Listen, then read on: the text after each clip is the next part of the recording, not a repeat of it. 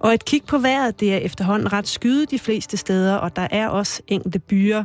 Flest byer er der lige nu i de sydlige egne. Temperaturerne de ligger mellem 12 og 15 grader, og vinden den er let til frisk og kommer fra syd og sydvest. Det er nu blevet tid til halløj i betalingsringen med Simon Jul og Karen Straub.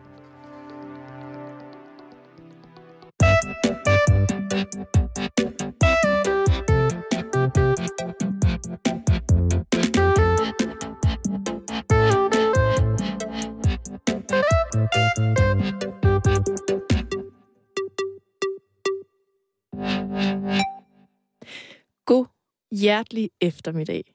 Hvad siger du så, Simon Jul? Er der så lige den fredagsstemning her i studiet?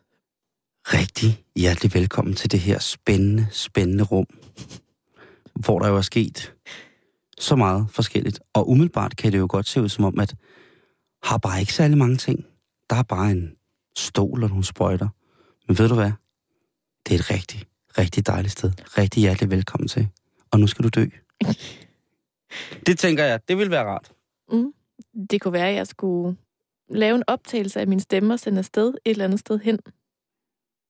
Sådan så, at jeg kan byde endnu flere mennesker velkommen til alt muligt, Og jeg synes, det var dejligt. Karen. hvis det sådan virker lidt beroligende.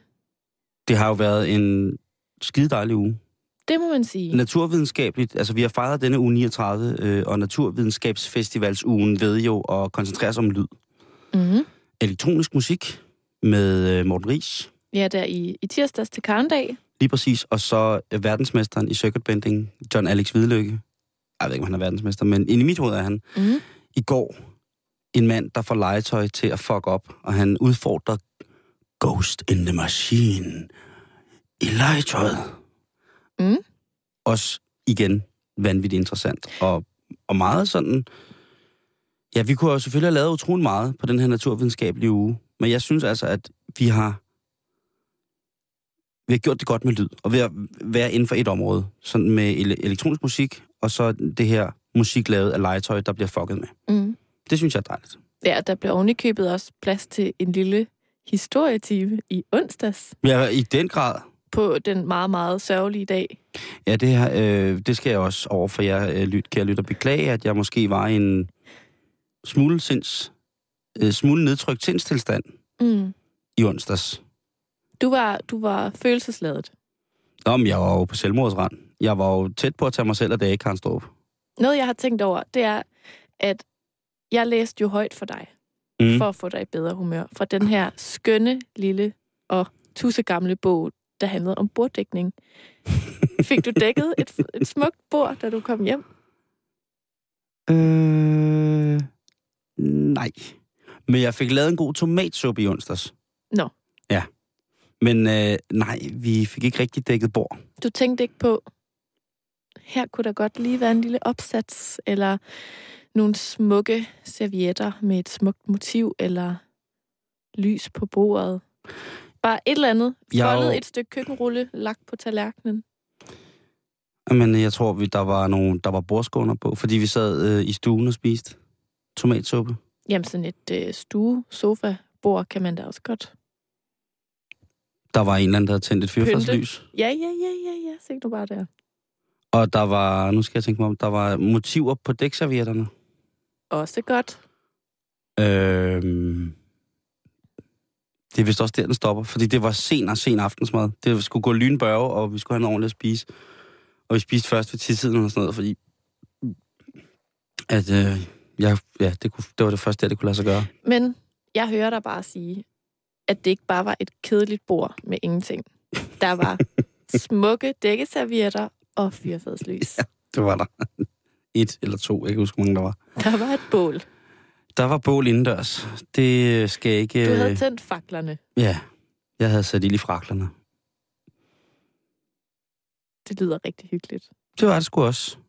Øh, men men øh, jeg, jeg må også indrømme, at øh, jeg har måske ikke lige tænkt så meget over det, du læste op. Nej. På den måde, at jeg tror ikke, at det bliver en af de ting i mit liv, Karen, som kommer til at stå aller, aller, aller øverst på gørmålslisten i henhold til, til den daglige dont. så tror jeg altså ikke, at det bliver et veldækket bord ved, dag, alle, øh, hvad hedder det, ved dagens tre hovedmåltider. Det tror jeg simpelthen ikke, det gør. Og det kan godt være, at du bliver slemt skuffet over mig nu. Og det er du også i din gode ret til at blive, for jeg synes virkelig, det var et godt initiativ til, at man skal huske mm. at dække bedre bord. Men, men altså... Jeg synes jo, at borddækning, det skal være funktionelt. Ligesom så meget andet. Mm. Så, og, og det kommer også an på, hvor, hvor stort et areal, bordareal man har, i henhold til, hvor mange mennesker, der skal bespises. Mm. Er det hensynsmæssigt at dække op til fire mennesker på et lille rundt bord, og så, sæt al af, og så, og så bruge al afsætningspladsen til mad på blomster, på opsatser?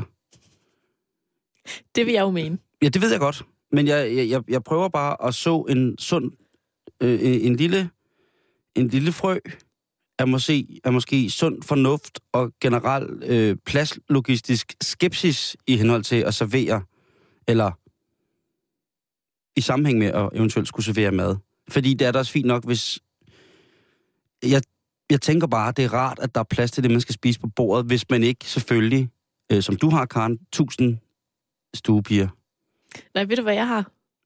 Som jeg jo inspireret af selv samme bog har fået anskaffet mig.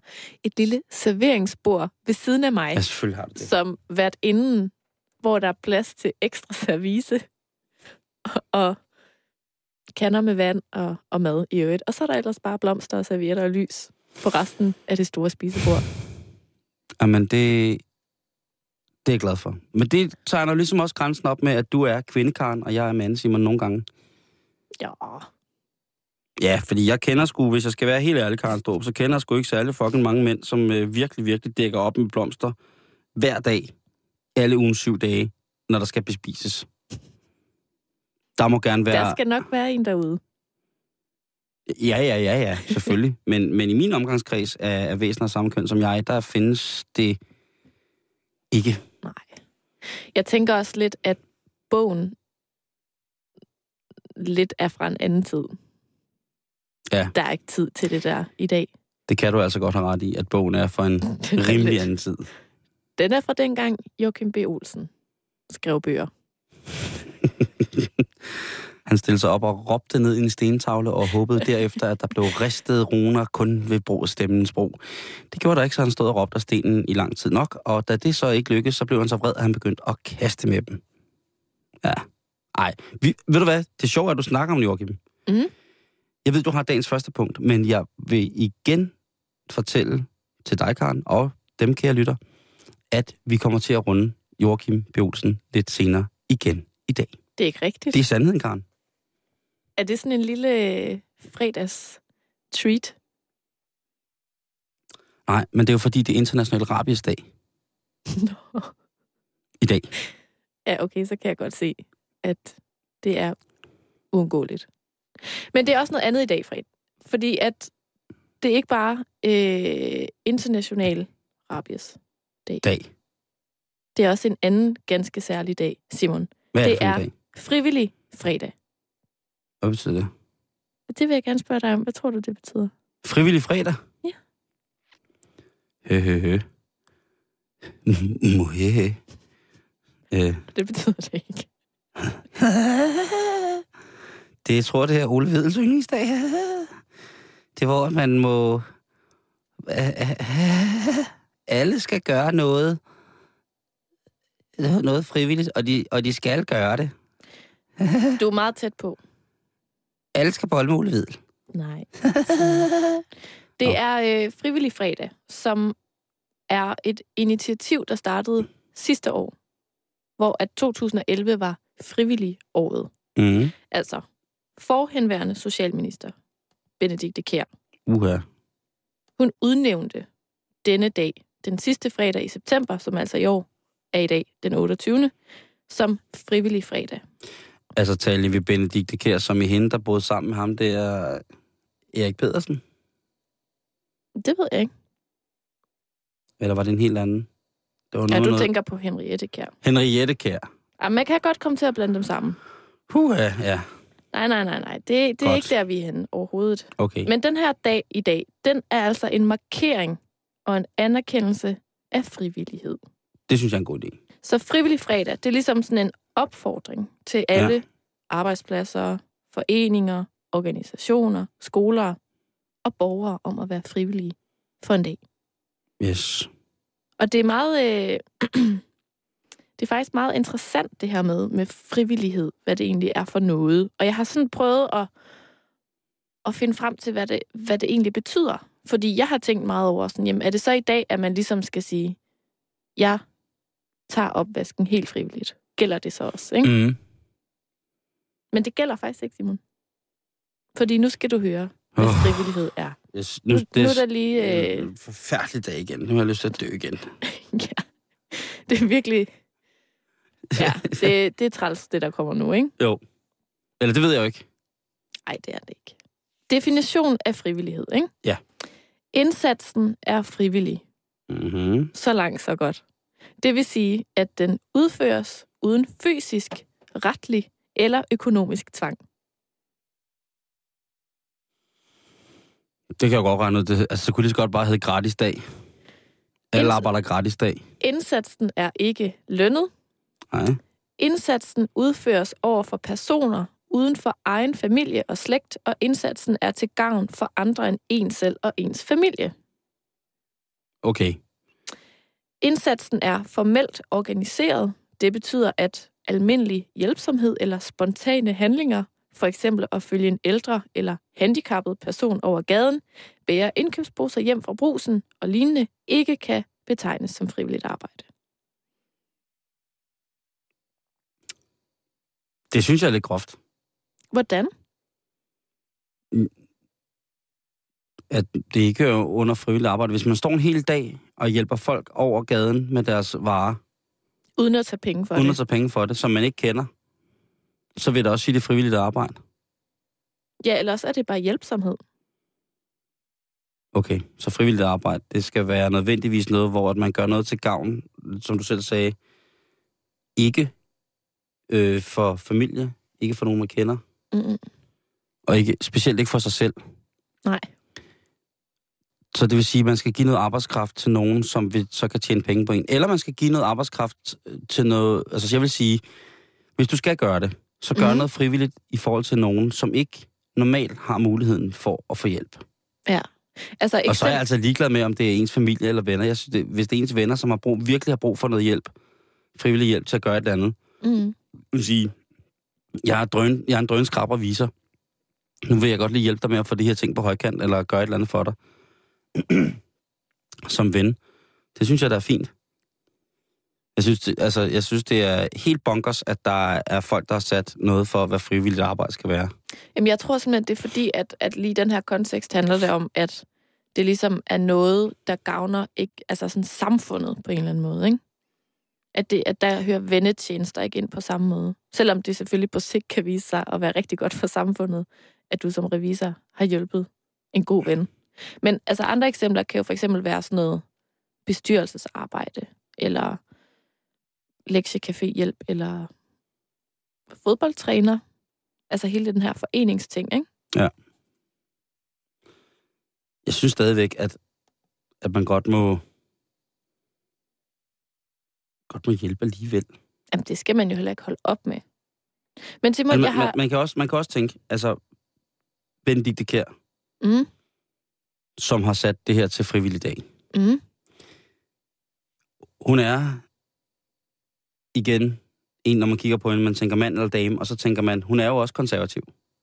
Ja. Det kan hun ikke løbe fra. Nej. Det er, det er i hvert fald det politiske signal, hun har sendt til mig. Jeg er øh, Benedikte Kjær, jeg er konservativ. Ja. Og hun har så lavet det her med, at man skal arbejde frivilligt til gavn for samfundet. Det, det kunne hun alligevel godt overse en dag til. Jeg synes jo generelt, at man skal gøre noget altid, når man kan, Mm, og øh, når man har overskud til det. Og det er ikke kun økonomisk, det er faktisk også bare menneskeligt. At Ja. ja. det, der synes jeg, man har en pligt til, når man kan, og ser mulighed for det, og lige gøre lidt ekstra. Eller lige, ikke, nej, ikke gøre noget ekstra, det lyder så fucking frelst, men gøre noget for nogen, som måske har, øh, har mindre, eller har brug for, for, har mere, men også har brug for hjælp. Ja. I det hele taget Altså, du skal, skal ikke man... stå og brænde 1000 kroner af her. Fy ja. Men i det hele taget skal man måske ikke sådan skamme sig over at gøre noget gratis en gang imellem. Altså, det er jo lige så meget det, at... Øh, hvad skal man sige? Ja, at, at det der med sådan lige at... Hvad enten, som du siger, at gøre nogen en, en tjeneste, Mm. eller for eksempel at engagere sig ved at sidde med i Og andelsbestyrelsen, så, og så eller en whatever, dag, ikke? Altså en dag. Jamen, det er jo slet ikke nok. What the fuck, ikke? Altså, Benedikte for helvede. Du er en sød fyr, men slap nu af. Havde det været en frivillig to uger, eller en, en, altså, hvis, hvis det var noget, der skulle kunne mærkes, Mm. hvor folk også skulle kunne føle det, og der skulle drages noget nytte ud af, at folk blev sat i en situation, som de ikke var vant til. En måned, ikke? En frivillig måned. Ja. En frivillig måned, hvor man gjorde noget frivilligt for nogen, som man ikke fik penge for, og som måske gavnede samfundet. Ikke nødvendigvis gavnede samfundet, men hvor det enkelte individ bare skulle aktiveres til at sige, jamen lad os se, om vi kan få 30 procent af den samme danske arbejdsstyrke til at, at lave noget en hel måned. Altså, der skulle selvfølgelig være nogen, der skulle være med på det, ikke? Og sige, jamen Jo, jo. altså, I får jeres løn øh, for jeres almindelige arbejde, men nu skal I altså gøre noget frivilligt. Det synes jeg kunne være, det kunne være et mere interessant forsøg end altså en sølle dag. Man kan jo nærmest ikke nå at finde ud af, hvad, hvad det er, man skal lave af frivillige ting. Og så, hun dagen er så har hun sikkert siddet og sagt inde, i- inde i, øh, til, til, til alle mulige forhandlinger, øh, som, som oppositionsparti nu. Nu skal I jo huske på, at jeg gav jer frivillighedsdagen øh, en gang om året. Skal I være frivillige? Husk lige på det. I kommunister. Men jeg er ikke sikker på, at det er sådan en dag, hvor man skal være frivillig. Jeg tror mere, det er sådan en dag, der sådan skal opmuntre folk til at være frivillige. Ja. Lidt ligesom jeg forestiller mig, at International Rabies Dag Mm. også bare med til ligesom at få folk til at tage stilling til det her, ikke? Og der er op mod øh, ni mennesker, der, bliver, der får rabies i dag. Øh, egen fri. Nej, det er der ikke. Ja, uha. Men inden at vi når så langt, så har jeg lavet en lille quiz til dig. Har du lavet en quiz til mig? Fordi det er fredag, og vi skal på weekend, og god Så der er en god stemning. quizuge. og. Du lavede for eksempel en alle tiders bacon-quiz til mig i onsdags. Præcis. Den her er, indeholder også mange tal. Fedt. Jeg er klar. Så jeg tænker, at nu, nu skal du virkelig bare høre noget om frivillighed, ikke? Yes. Simon Jul, hvor mange danskere udfører frivilligt arbejde? Og der er svarmuligheder. Åh, oh, godt. Er det A. 43 procent af danskerne over 16 år? Er det B. 52 procent af danskerne over 16 år? Eller er det C. 34 procent af danskerne over 16 år? Altså procentsatserne igen. 43, 52 eller 34? Det er også mærkeligt, at de kommer sådan blandet på den måde. Ja, men sådan er det jo, når man kan designe sin egen quiz. Ja, det synes jeg. Men øh, jeg vil skyde på, at svaret er... Det rigtige svar er det højeste. Så det må være... Var det 42 procent? 52. 52 procent. Folk, øh, det vil, jeg vil skyde på, at, der bliver, at det, det givende svar, du har noteret for den undersøgelse, du har, er 52 procent, fordi folk gerne vil sættes i relation til at gøre noget frivilligt, fordi så er man et bedre menneske. Øh, jeg tror nu nok, det, det mere konkrete resultat øh, af frivillig arbejde, som, som gælder og tæller, så tror jeg, vi er om, nok omkring nede på de der på den laveste. Men jeg tror, at øh, det, som der står i din undersøgelse, og det, der er svaret, er 52 procent. Det er forkert. Er det rigtigt? Ja. Hvor mange er det så? 43 procent. 43 procent. Så du var faktisk helt ved siden af. Ja, fuldstændig. Men det er jo... Men så er det jo endnu lavere. Så ved jeg, at det rigtige tal er endnu lavere. Du mener, at sådan, der står nogen dernede og hjælper gamle mennesker over vejen, og så skriver de, ja, jeg Nej, laver men, frivilligt nej, arbejde. nej, hvis nogen med, så har de hjulpet med at rydde op efter en fodboldfest eller en vejfest. Ja, selvfølgelig har jeg lavet frivilligt arbejde. Mhm. Vi er fandme, som danskere, er vi jo et fantastisk folkefærd til at klappe os selv på skuldrene til, når vi har gjort noget, som vi synes er kæmpe fantastisk i forhold til Mhm. alle mulige andre. Så ja, jeg tror, at... Øh, Det kan godt være, at det er et tal, Ja. man lige skal tage med et grænsalt. men 42 procent. Vi går videre til næste spørgsmål. Interessant. Hvem er hyppigst frivillige? Altså, hvem er mest frivillige? Ja. Er det mænd eller kvinder? Det er kvinder. Det er også forkert. Er det rigtigt? Og nu skal du høre. 46 procent af den mandlige danske befolkning og 40 procent af den kvindelige danske befolkning laver frivilligt arbejde. Og det skyldes, altså forskellen skyldes især, at der er rigtig mange mænd, der er aktive inden for, øh, hvad skal man sige, sådan noget idræt og fritid og kulturarbejde. Der er Mm. rigtig mange mænd. Øhm, så ja, skulderklap. Til mændene? Ja. Er der så også med den oversigt om, hvorfor at mændene har tid til at lave alt det frivillige arbejde? Fordi de skal Mm. flygte fra deres hysteriske kællinger derhjemme? Eller er det, et, er det Joachim Bolsen, som, som har ret nu, at mænd er mere ambitiøse end kvinder? Måske er mænd mere ambitiøse på dansk foreningsliv, end kvinder er. Fordi at når du så går ind og ser på, øh, hvor der er flest kvinder, i hvad for en form for frivilligt arbejde, ja. så er det sådan noget velfærd. Altså knap så meget fodboldtræner, og lidt mere sådan... Ja, hvordan skal man beskrive det? Sådan en eller anden form for sådan... Øh, sådan noget hjælpeorganisations frivillighedsarbejde og kontakt med børn og ældre og sådan nogle ting, ikke? Altså, jeg tager bare udgangspunkt i os to, Karen. Fordi det er ligesom ja. Herudfra, min verden går. Mhm. Og du er den mest frivillige af os to, jo. Ja, det er jeg jo nok. Men det er du da. I den grad. Altså, jeg er frivillig en gang om ugen. Og det er jeg i hvert fald ikke. Nå, men det, jamen, jeg kan jo lige så godt være ærlig. Men til gengæld, så er du god til den der, hvad skal man sige, øh, mere sådan personlig frivillighed med at gøre tjenester og hjælpe og sådan nogle ting, ikke? På den måde, ja. Altså, Det, jeg, det er bare svært at skrive på et CV, kan man sige. og det skal der heller ikke gøres. Nå, men, Nå, men, men spændende. Jeg tager fejl Ja, i ja. al frivillighed. Det går rigtig godt. Ja. Spørgsmål nummer tre. Yes. Hvilken aldersgruppe er mest frivillig? Er det, og der er svarmuligheder selvfølgelig, Mm. A. 16-29 år, B. 40-49 år, eller C. 70-80 år? Ej, det bliver sgu lidt togen. 70 til 80 år. Nej. Åh, oh, pis. Det er faktisk dem, der er mindst frivillige. Det er dem over 70. Og det er dem, som burde være. Det er dem, som har mest tid. Ja. De sidder, prøv, de sidder jo bare alligevel og bare venter på at dø. Så kunne man da godt, altså... Eller også er de ude at realisere sig selv, og så har de ikke tid til at være frivillige. Og det synes, jeg nu, det synes jeg nok, de skylder. Når de er i deres livs isvinter, så kan de jo godt lige give lidt tilbage. Men det er faktisk dem mellem 40 og 49, der laver mest frivilligt arbejde herhjemme. Ja. Og så skal man så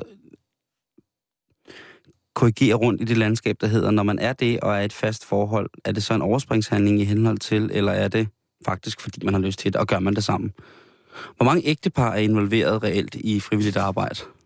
Eller i, i hvor mange ægtepar er det frivilligt arbejde, der redder forholdet? Det tror jeg øh, er en interessant undersøgelse. Mhm. Men altså, det er de middelaldrende,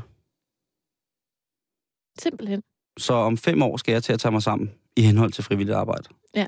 Ja. Så du godt begynder at lade op. Det må hellere. Spørgsmål nummer 4. Ja. Hvor er det mest populært at være frivillig? Mm. Er det på velfærdsområder? Er det idræt, fritid og kultur? Eller er det PR, marketing og kommunikation? Idræt, fritid og kultur. Ja, der hjalp det er jo lidt før, kan man sige. Med hvad? Fordi at det var det, mænd hovedsageligt beskæftiger sig med, ikke?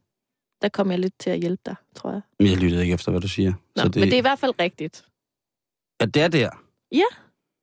Jeg hørte ikke, hvad du sagde med idræt og kultur. Jamen, det var derfor, da vi snakkede om, hvad mænd og kvinder laver, at en af grundene til, at der er så mange mænd, der laver frivilligt arbejde, er fordi, at de især laver meget frivilligt arbejde inden for idræt, fritid og kultur. Nå ja, på den måde. Nå, sidste spørgsmål, Simon. Ja.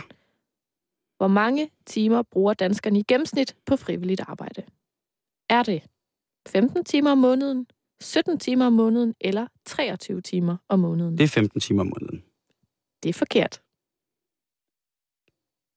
Hvor mange er det så? 17. Gør du det? Frivillig, Karen? Om måneden? 17 timer om måneden? Nej, det gør jeg ikke. Og du laver meget, synes jeg. Du, gør, du er involveret i frivillig arbejde en gang om ugen. Ja. Jeg bruger måske 12-15 timer om måneden, tror jeg. Jamen, den, altså, hvem har lavet den der test? Det er helt forkert. Ja, det er helt forkert. Men jeg er jo heller ikke i, i alders, øh, hvad hedder sådan noget. Det her det er jo Segmentet. gennemsnit. Altså, jeg er Det jo er ikke mellem rigtigt. 40 og 49 det, år. det er rigtigt, det er så rigtigt. skulle jeg nok lige dobbelt op. Hvad fanden? Altså, men det er jo fodboldtrænere, det er jo sikkert øh, juletræs afdansningsbals koordinatorudvalget. Ja. Ikke? Som, Jo, jo. Det kan de bruge lang tid på. De har travlt hele året rundt. Jamen, det er klart. Men altså, i dag er det altså så frivillig fredag. Og hvis man vil vide noget mere om Frivillig frivilligt fredag. arbejde Ja. og frivillig fredag, så kan man gå ind på frivillighed.dk. Og så kan man igennem det blive lidt ud til alle de mange muligheder for frivilligt arbejde, der findes. Altså, tanken er jo god. Det, der Mhm. pisser mig af, det er bare, det Benedikte Kjær, der har fået den indført som officiel dag, at sidste september, sidste torsdag, eller sidste fredag i september er frivillig dag. Altså, jeg synes i hvert fald, Konservative politikere, der, der- indfører det. der er et eller andet, der er sådan lidt pisk over det, ikke? Der er sådan lidt, nu skal vi alle sammen også lige bidrage til det her samfund, og jeg, det skal vi jo også, men man skal også gøre det, fordi man har lyst. Fordi man har lyst til at bidrage, fordi man har lyst til at være fodboldtræner, eller man har lyst til at være i en lektiecafé, eller... Altså, fordi man jeg, ved synes også ikke, godt... jeg synes ikke kun, det er lysten, der skal drive værket. Jeg synes også godt, man må lide i det og sige, prøv at høre, jeg kan se, at der er nogen her, der har så meget mere brug for et eller andet, jeg kan give et besøg med til, end jeg selv har. Og det kan godt være, at jeg synes, det er pisseirriterende, men så synes jeg faktisk, man har pligt til at gøre det. Jeg synes, det, det, det er jeg faktisk enig med dig i. at, fordi at, at, at, at man, selvfølgelig skal man også have lyst langt hen ad vejen, men jeg, jeg synes, man har en ganske almindelig human og menneskelig pligt til, og hvis det er, at man bliver involveret ind i noget, så at hvis man i sin sunde fornufts øh, tidsperspektiv og ikke skal, og har lovet sig selv væk til alt muligt at køre sig selv død på det, så synes jeg, man har en pligt til at sige, ved du hvad, selvfølgelig skal jeg nok gøre det her. Det er klart, hvis det gør noget.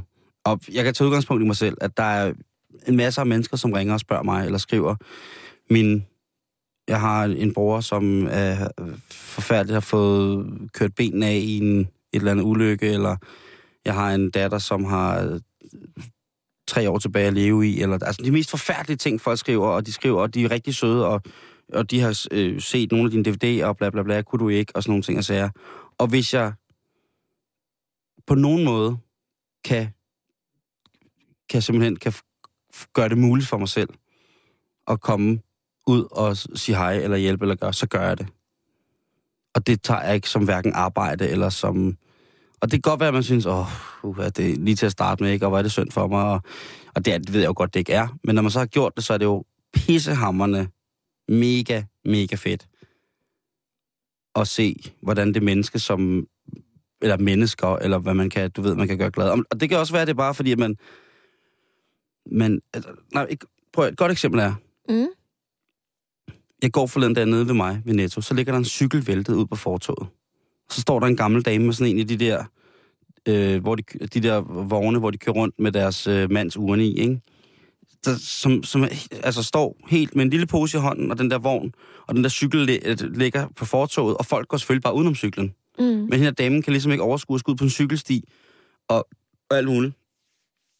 Og det, det tager mig et sekund at rejse den cykel op. Mm. Kald mig, øh, kald mig idealist, men jeg er typen, der godt kan finde på at rejse en cykel op, hvis den er væltet, selvom det ikke er min egen. Det har jeg faktisk set dig gøre flere gange. Er det rigtigt? Ja. Fordi at øh, det er drønt farligt, at den bare ligger der, men det kan selvfølgelig også være til gene helvedes til. Men hvor der var, øh, hvor der var stået inde ved busstopstedet og, og kiggede sådan, og så sagde hun, Gud, hvor var det altså sødt af dig, du gjorde det. Det ser man aldrig mere. Og det har ikke noget med at være galant at gøre, eller noget. Det er simpelthen noget at gøre med, og, og det er noget at gøre med, at jeg ser mig selv som en mand, der benytter fortogene i København rigtig, rigtig meget. Og jeg ser et transport, et fodtransport logistisk problem ved, at der ligger en barriere som en gammel cykel der. Ikke kun for mig, men også for mange andre. Mm. Så rejser cyklen op. Men man kan jo, altså man kan jo, Det vil jeg aldrig kalde frivilligt arbejde. nej, men man kan jo godt øh, drage en parallel, der hedder, at på den måde, der bidrager du. Altså, der går ikke noget af dig ved ligesom at bidrage på den måde, at du rejser den cykel op.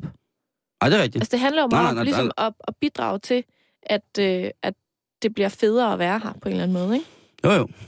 Ja, jo, jo, lige præcis. Altså, og der kan man gøre det sådan med små ting, men man kan altså også engagere sig på Men andre måder, ikke? Jo, så jeg, så jeg er glad for frivillig dag. Jeg synes det. Øh, og nu fandt jeg lidt andet billede af Benedikte Kjær. Der er han lidt mildere i udtrykket. En kende. Ikke meget, men lidt. Ja.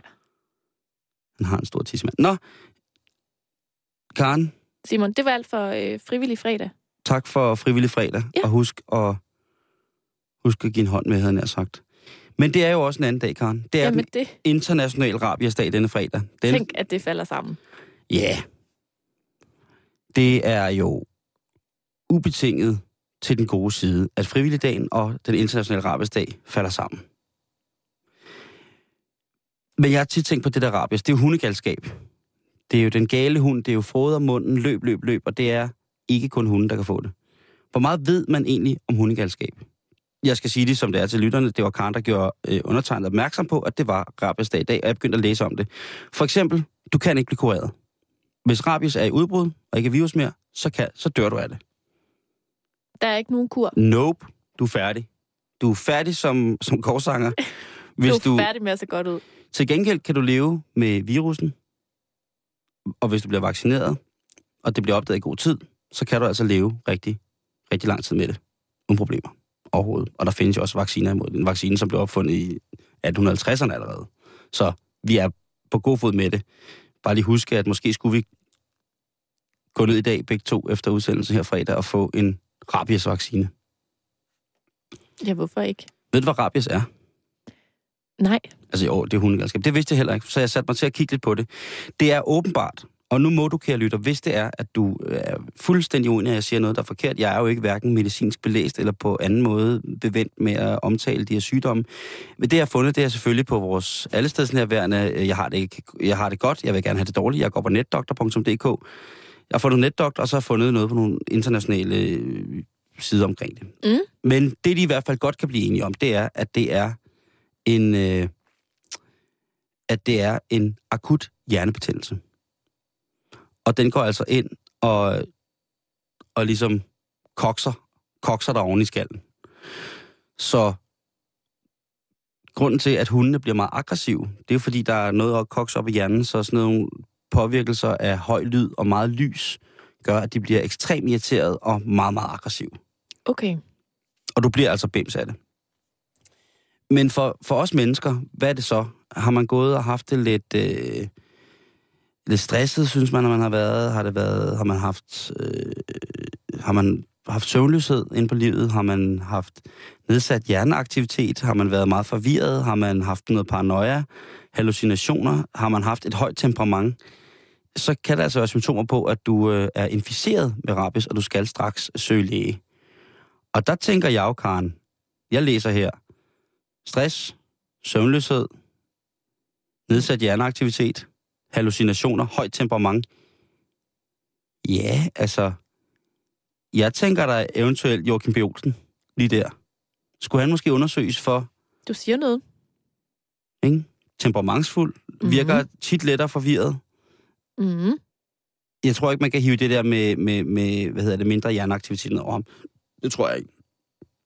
øhm, paranoia, helt sikkert. Søvnløshed. Vi har jo tit set, hvor stort søvnunderskud manden er i. Det er jo blevet Han- han optaget. Det er jo dokumenteret, han, at han ja. Powernapper. Øh, hallucinationer, helt sikkert. Det, det kan der ikke være nogen tvivl om. At nogle af de Mhm. ting, han siger, de kommer ud fra store billeder, han ser opstå i, som Fata Morgana foran ham, uden at det. Altså, det må man jo, det må man, det vil være den mest naturlige forklaring på nogle af de ting, han siger, synes jeg. Jeg vil næsten håbe, at det er forklaringen. Lige præcis. Jeg vil også sige, at der er, Karen, øh, og det kan man jo lægge mærke til, hvis man er, om, hvis man er i Joachims omgangskreds, læg venligst mærke til det her. Prodron-fasen, som er optakten til lige præcis udbruddet af rabies. Okay. I denne periode kan der være feber, opkastninger og appetitløshed, hovedsmerter samt smerter ved det oprindelige bid.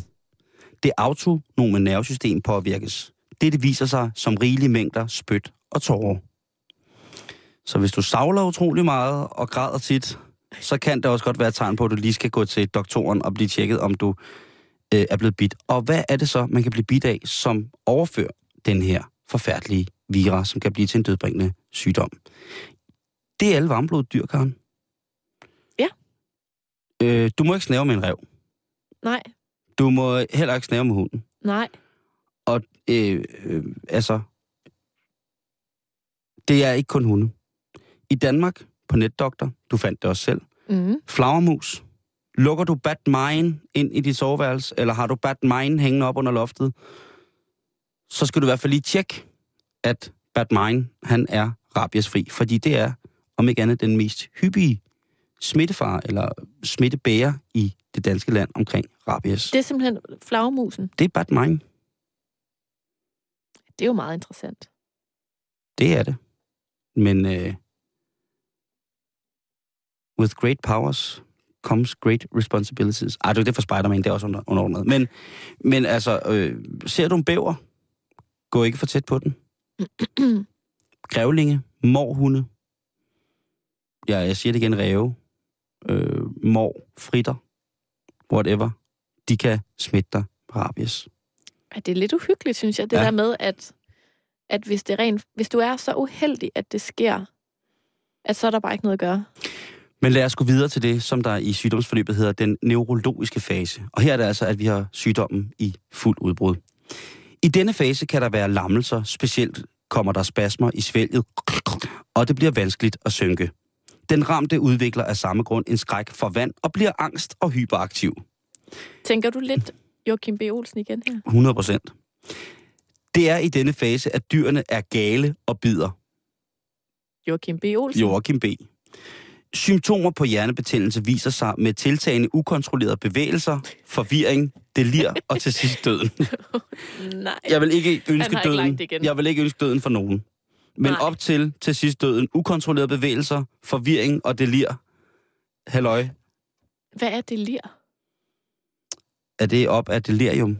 Er det vrangfor, altså er det, kan det være det vrangforstand? Jeg ved det ikke. Skal jeg lige finde ud af det hurtigt? Ja, fordi det er altså et ord, jeg ikke ved, hvad betyder. Ja. Det er er lir. Jeg siger det, som det er. Øh, delir er en psykisk lidelse, der opstår akut som følge af skadelig hjernehindebetændelse. Okay. Så det kan jo godt lægge sig lidt op af, af delirium. Øh, skadelig påvirkning af hjernen. Lidelsen viser sig ved nedsættelse af bevidsthedsniveauet, vågenhedsgraden, Ej, nej, nej, med nej. svingende opmærksomhed og forstyrrelse af tænkningen. ja, Joachim, Er der nogen, der er venlige at fortælle ham det? er der nogen, øh, også igen, det giver jo hans pludselige vægttab en utrolig stor mening. Men han skal jo vide, at han kan smitte andre. Ja, det skal han. Men hvis jeg kigger nærmere på Anders Samuelsen, så tror jeg måske også, at, at det kan være, at de har været udsat. Eller generelt, hvis jeg kigger på en del af de fremtrædende mennesker i Liberal Alliance, så tror jeg, Karen, at der er nogen, der ikke, og jeg gentager, ikke vil underlægge sig et medicinsk tjek. Men endnu vigtigere er det at spørge Simon. Ja. Hvor har Joachim fået det fra? Og der er to muligheder, Karen. Det er Michael Bjørnsson, altså Pik Michael, eller Anne-Grethe Bjergris. For det er to helt meget, meget velkendte smittebærer af netop rabies. Hundegalskaben. Hvordan tror du, at det Grete Bjerg Pris fik det? Øhm, Måske er Michael Bjørnsson. Nej, det tror jeg... Ej, hun er, det er hun for fin til. Jeg tror, at Anne-Grethe Bjergris har fået rygtet. Det er jo stadig kun rygter. Øh, vi kan ikke bekræfte det, men det er rygter. Øh, at Anne-Grethe Bjergris får simpelthen rabies, da hun øh, angriber en stor flok søkøer, øh, som har været inficeret. Øh, der har været...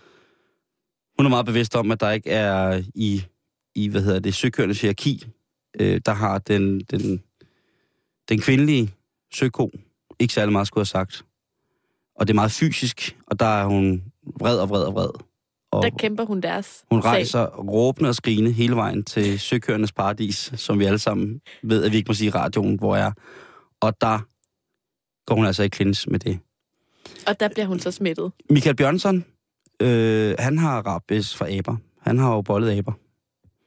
Øh, siger rygtet. Jeg er ikke... Øh, men, men rygtet i, i, i freelance opera er folk, der tror, de synger opera.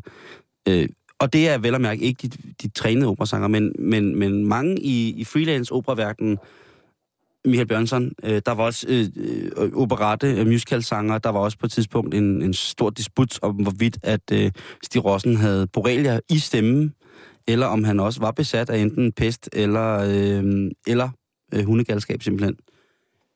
Men der er meget, meget sikkert, at, øh, at man jo på den måde, man har en tæt kollegial omgang, også mere intim end normalt i det øh, passionerede, altså et opera amatør passion miljø der, der er en, en, en tung, og der man boller også flagermus der. Så der, der, er, der er rygter på banen der om, hvorfor, hvorfor de men, men når man læser omkring de her fatale, fatale, fatale symptomer, Mm. så er det meget tydeligt, at Joachim Bolsen har en, en form for, for, for dyrgalskab. Altså en akut hjernebetændelse. På, men jo altså lever fint stadigvæk. Og, men det er jo det, er det, er det ikke noget med, at man ligesom kan få noget, noget medicin, der så kan virke sådan en smule livsforlængende, eller et eller andet? Altså... Jo, jo, jo, jo, jo, jo, jo. Og jeg, og jeg er da også sikker på, at det kommer alle til gode. Hvis man har virusen. Ja. Spøg til side. Nej, ikke spøg til side. Så kan man blive behandlet i mange, mange år og have virusen. Hvor mange bliver smittet med det her? Jeg kan ikke huske det, men det er 65.000, der dør om, om året af hundegældskab. Det er alligevel en, en, en god... Der er en fin hjemmeside, der hedder Rabies Day, hvor man kan gå ind og se en utrolig amerikaniseret overpædagogisk video om, hvad rabies er. Den kommer du nok bare til at grine af, men du kan i hvert fald gå ind og se, hvad det er. Og ellers så skal man huske generelt op mod weekenden, øh, simpelthen lade være med at sutte dyrene. Lad være med at sætte nogle dyr i munden. Det kan være farligt. Ja. Hvis en, en, en, en vred rev hopper op på dig og væser dig, bliv tjekket med det samme. Stivkrampe, rabies, lige bliv tjekket, om der skulle være noget. Eller hvis du vågner op og finder ud af, at du har sovet sammen med grævlingen, og de har krasset dig. Ikke med vilje. Bare lidt. Mm. Bliv undersøgt. Det kan være, den er gal. Har du knaldet en mor, bliv tjekket der siger jeg bare, har du ubeskyttet, haft ubeskyttet sex med en mor, eller en bæver, eller en stor ådder, please, bliv undersøgt. Lige med det samme. ja, men det... Så er den givet videre. Så er den givet videre. Men, vi skal også videre, Karen, og det er jo weekend. Det er det nemlig. Lige om lidt er det weekend for os, og øh, så fremdeles forhåbentlig også for en del af jer derude. Og jeg har skrevet her på min manus weekend 6. Fordi der har jo i øh, ugens løb været en, øh, i, i det dejlige program, der hedder Sexministeriet. Mm. Du arbejder der engang. På øh, DR. Mm, med HD. Øh, Emil. Emil Torp. Ja. Øh, der var en øh, lille ting omkring fetis og sådan nogle ting. Så der var blandt andet et indslag, som blev hævet lidt frem, selvfølgelig på Ekstrabladet, og så også alle mulige andre steder bagefter, om Dennis, som tænder på ballonger. Mm. Han beskriver, at han øh, sad under et tæppe, pustede en ballon op, og så øh, fik han simpelthen orgasme første gang, da han sad helt lukket inde og pustede ballon op. Og øh, det, nu der har han fundet en pige, som er med på, at de laver meget sexede, øh, hvad hedder det, øh, ballonvideoer, hvor de boller store ballonger, og de, og de gør alt muligt med ballonger. Og hans største drøm er simpelthen at have sex inde i en kæmpe stor ballon. Og der, der kunne jeg godt mærke på nogen, øh, da vi sad og snakkede om det, at det var da usandsynligt mærkeligt og ulækkert. Hvem var det, du snakkede med? Jeg skal da ikke sidde og, og rive deres navn frem på radioen. Men lad mig sige, at der var i hvert fald nogen, der synes det var ikke... Det var, det var Lidt spøjst. Ej, nej, nej, de, nej, nej. Fordi det var måske Ej, min reaktion, at de det synes, var det var lidt helt fucked up. Og der var også en video, hvor han ligger og boller en kæmpe, kæmpe stor ballon. Og altså, han, han, han, han dryhumper ballonen. Så jeg er gået fra, at den, den reelle seksuelle stimulans simpelthen må være øh, glidningen. Den, den, den hårde, brutale glidning. Okay. Ja. Øh, og der er også der er mange. Men det hedder, at man er en lunar. Altså, at man er vild med nok balloons. Okay. Men der er så mange andre fine ting, som, som, som du, jeg og kære lytter kan udforske i weekenden, om det måske skulle være noget for dig, fordi det kan opstå som lyn for en klar himmel. Okay. Lige pludselig står man, og så er der en eller andens øh, gamle anorak eller fjeldrev, der er ild i, og så, så dufter man brændt nylon, og, og aldrig har man været så euforisk rent seksuelt før, som da man mærker duften af brændt nylon. Og så finder man ud af, gud, det jeg tænder på, det er simpelthen brændt nylon. Men man skal aldrig nogensinde, aldrig nogensinde holde det inde. Du skal få det ud. Jeg vil nok sige, at jeg kan godt komme i tanke om nogle ting, man ikke behøver at gøre. Ja, ja, hvis det tænder en seksuelt. det kan jeg også godt. Men nu vil jeg lige gennemgå nogle forskellige fetischer, som måske ligger lidt uden for referencerammerne. Okay. En woolly, for eksempel, det er altså et menneske, som kun kan blive... Og nu taler vi om folk, som kun kan blive seksuelt opstemt af det her. Det skal, i henhold til det, jeg nævner, den fetish, det skal være... De kan ikke bare have almindelig sex. De kan ikke bare blive almindelig seksuelt opstemt ved bare almindeligt øh, pillen, sutten, rullen, snusen. Det kan de ikke. Det, de skal, der skal være noget bestemt sted, før de overhovedet kan komme i, i omdrejninger. Og bullies, de Ja. skal have uld i nærheden. De skal helst være pakket ind i uld fra top til tå. Og jo mere det krasser, og jo varmere det er, jo bedre bliver det. De skal være helt pakket ind i uld, Karen. Altså have sådan en, sådan en one-piece-dragt på. For i uld. eksempel.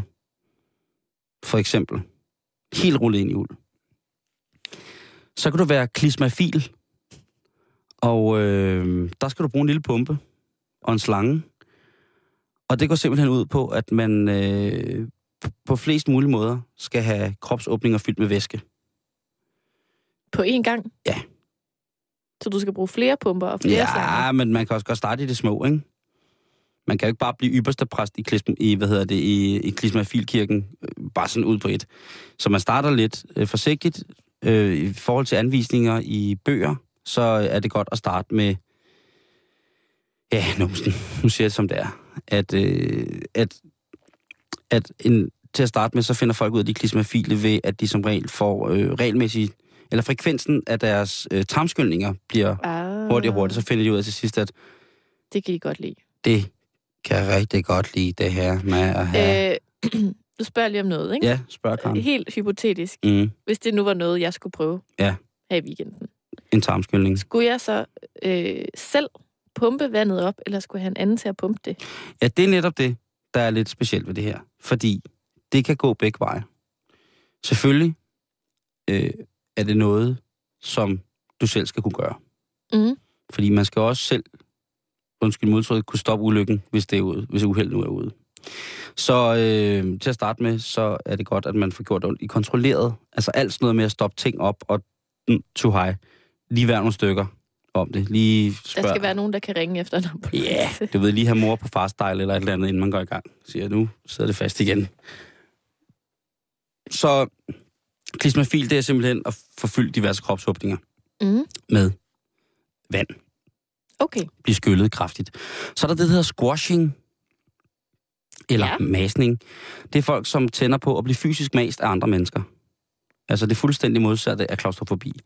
Øh, og tit og ofte ser man gerne en, en, en, en tynd mand, øh, som ligger under en meget kraftig dame. Og det er altså ikke fordi, at hun er vred og skal straffe ham. Det er simpelthen en del af lejen. Det er, Det er noget, at- han har bedt hende Ja. om.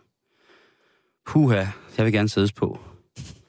Så øh, squashing, det kan man også, øh, det er også noget, man kunne dyrke i weekenden. Nu, Hvis du, man- nu er jo ikke, du er jo ikke det største kvinde, Karen. Nå, men jeg tænker bare, hvis jeg igen, Rent hypotetisk. rent hypotetisk, skulle prøve det her, og jeg ikke kan finde nogen, Mm. der kan lægge sig ovenpå mig, kan jeg så bruge en genstand? Igen, Et skab, eller en sofa, eller en lænestol, eller et eller andet? ja, altså, du kan prøve at vælte nogle madrasser ud over dig. Men Ja. igen, der er nogen, der skal vide, at du gør det, fordi at det er voldsomt. Og hvis man, altså, selvom man så opnår den højeste seksuelle nydelse i verden, er at ligge under sit garderobeskab, så vil man jo også gerne overleve det, kan man sige. Ja, okay, det er selvfølgelig rigtigt. Medmindre man selvfølgelig også er, er død øh, og tænder på det. Øhm, men, men squashing, altså at blive mast. Så er der det, der hedder plusofil. Og det vil sige, at man tænder simpelthen på sit sovedyr. Øh, store bløde bamser. Og hvis man kan få en til at klæde sig ud som en stor, flot ule eller noget andet tøjdyr, bare det er blødt og rart og cuddly, eller man kan kysse, knus, elske, kramme det, og så vil man gerne øh, bestiges eller mountes eller knaldes af det, ikke? Nu Så rent hypotetisk, ja, så skulle jeg, øh, i forhold til hvis jeg mødte en dame, og hun var plusofil, så skulle jeg klemme mig ud som en stor reje, men det skulle være en hyggelig, blød øh, plysreje, og så skulle hun ellers have en ordentlig tur. altså, nu siger jeg lige noget, ikke? Ja. Jeg har jo altid undret mig over, hvorfor voksne mennesker har bamser i deres seng. Mm. Jeg siger det bare. Jeg har altid undret mig over, hvordan man ikke kan vokse fra og have bamser i sin seng. Hvad mener du med at vokse fra? Jeg synes det... Jeg ved ikke, jeg synes bare, det er sådan en underlig... Mærkelig ting. Jamen, det er måske rigtigt. Altså, hvis jeg kom hjem til, rent hypotetisk, en Mm. sød fyr, og han lige havde et par bamser i sengen, det, Mm. så ville jeg nok synes, det var lidt mærkeligt.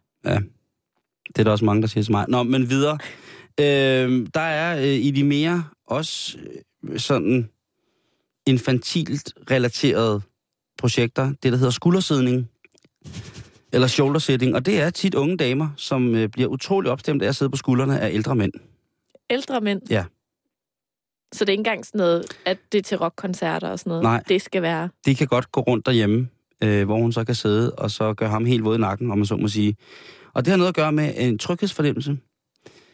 Det har noget at gøre med, at øh, personen, øh, den, den, det kan jo selvfølgelig også være med drengen, men det har noget med, at den, der sidder på skuldrene, føler sig helt tryg og hjemme. Det, man føler sig jo ikke tryg på skuldrene af en gammel mand. Det kan jo godt være, at man har haft en, øh, en, en besværlig barndom, hvor da man sad på skuldrene af sin far, så var det det rareste i verden, og det var en følelse af tryghed. Og den eneste måde, man kan komme i kontakt med sin seksualitet, det er ved at være i den følelse af tryghed. Derfor ergo, så sidder hun på skuldrene af en ældre mand. Jamen, jeg nævner bare igen. Jeg, jeg vil aldrig nogensinde føle mig tryg på skuldrene af en gammel mand. Nej, men øh, Karen, Han vil jo knække sammen. det ved jeg da ikke. Hvor gammel sammen. skal han være? Det ved jeg ikke, omkring 100.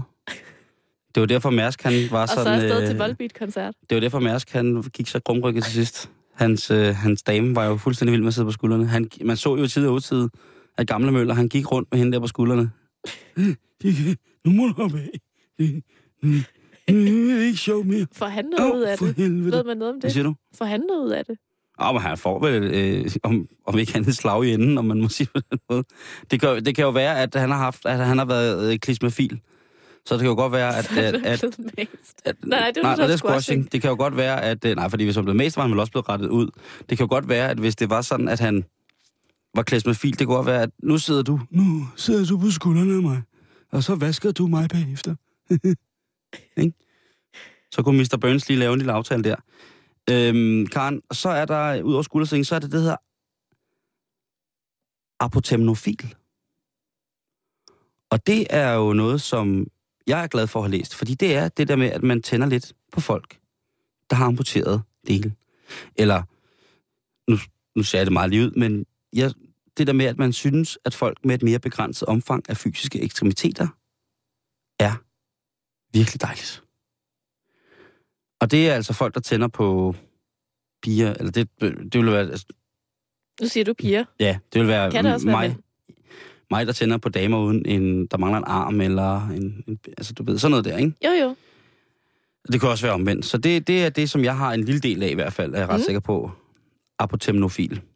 Så du sidder i Photoshop og fjerner arme og ben, Jeg har nogle billeder af dig, Karen, fra vores sommertur, som, hvor du tænker, du har sat sådan arme sådan mærkelige steder. det, En fod, der bliver til en næse. Det mærkeligste, jeg faldt over i den her undersøgelse, eller hvor jeg sad og kiggede på det, det var en øh, undersøgelse omkring et, øh, om, øh, på en hjemmeside omkring mental hygiejne, om hvad der skal til, før at man bliver afvigende rent seksuelt. Og der var der en ung mand, der har skrevet ind, øh, eller der var et, øh, oplæg om en, øh, fra en ung mand, som har skrevet, at han tændte utrolig meget. Det eneste, han kunne blive rigtig hård af, altså blive virkelig liderlig af, det var, at han tænkte på, at han skrumpede sig selv, og så var hans kæreste, øh, at hans kæreste øh, slugt ham. What? Mm. Eller brugt ham som, som prop i den anden ende, ikke? Det var det, han synes. Det, det var, det, og det var et meget ulyksaligt forhold. Og det gik meget, det gik meget på, at han ikke kunne, kunne skrumpe. Så han blev så lille, at øh, han kunne blive slugt af sin kæreste. Det, Og- det er et vildt tankeeksperiment, ikke? Og det var sådan så, at øh, han på alle andre punkter af sit liv var fuldstændig helt normal. Fungerede fint. Men lige på det der punkt med sex, nej. Mm-mm. der ville han altså gerne skrumpe, så han kunne komme op i sin dame, eller ind, eller ned, eller hvad det hedder, ikke? Så det kunne man jo gøre i løbet af weekenden. Man kan tjekke, øh, man kan tjekke om man er til noget andet, end man troede. Have sin, altså jeg vil opfordre til at have sit sansapparat åbent. Ja. Den her weekend. Open-minded. Øh, lige præcis. Total open-minded. Alle de gode ting, man kan give sig til. Det var det. Karen, Simon. det er fredag. Og så have for øvrigt en rigtig god weekend. I lige måde, Simon. Det viser sig imidlertid, at klokken den er blevet 18, og det betyder, at du skal have Radio 24 synet herfra. Fra Halløj Betalingsringen, så siger vi på genhør i morgen og søndag, og have ellers en rigtig god weekend.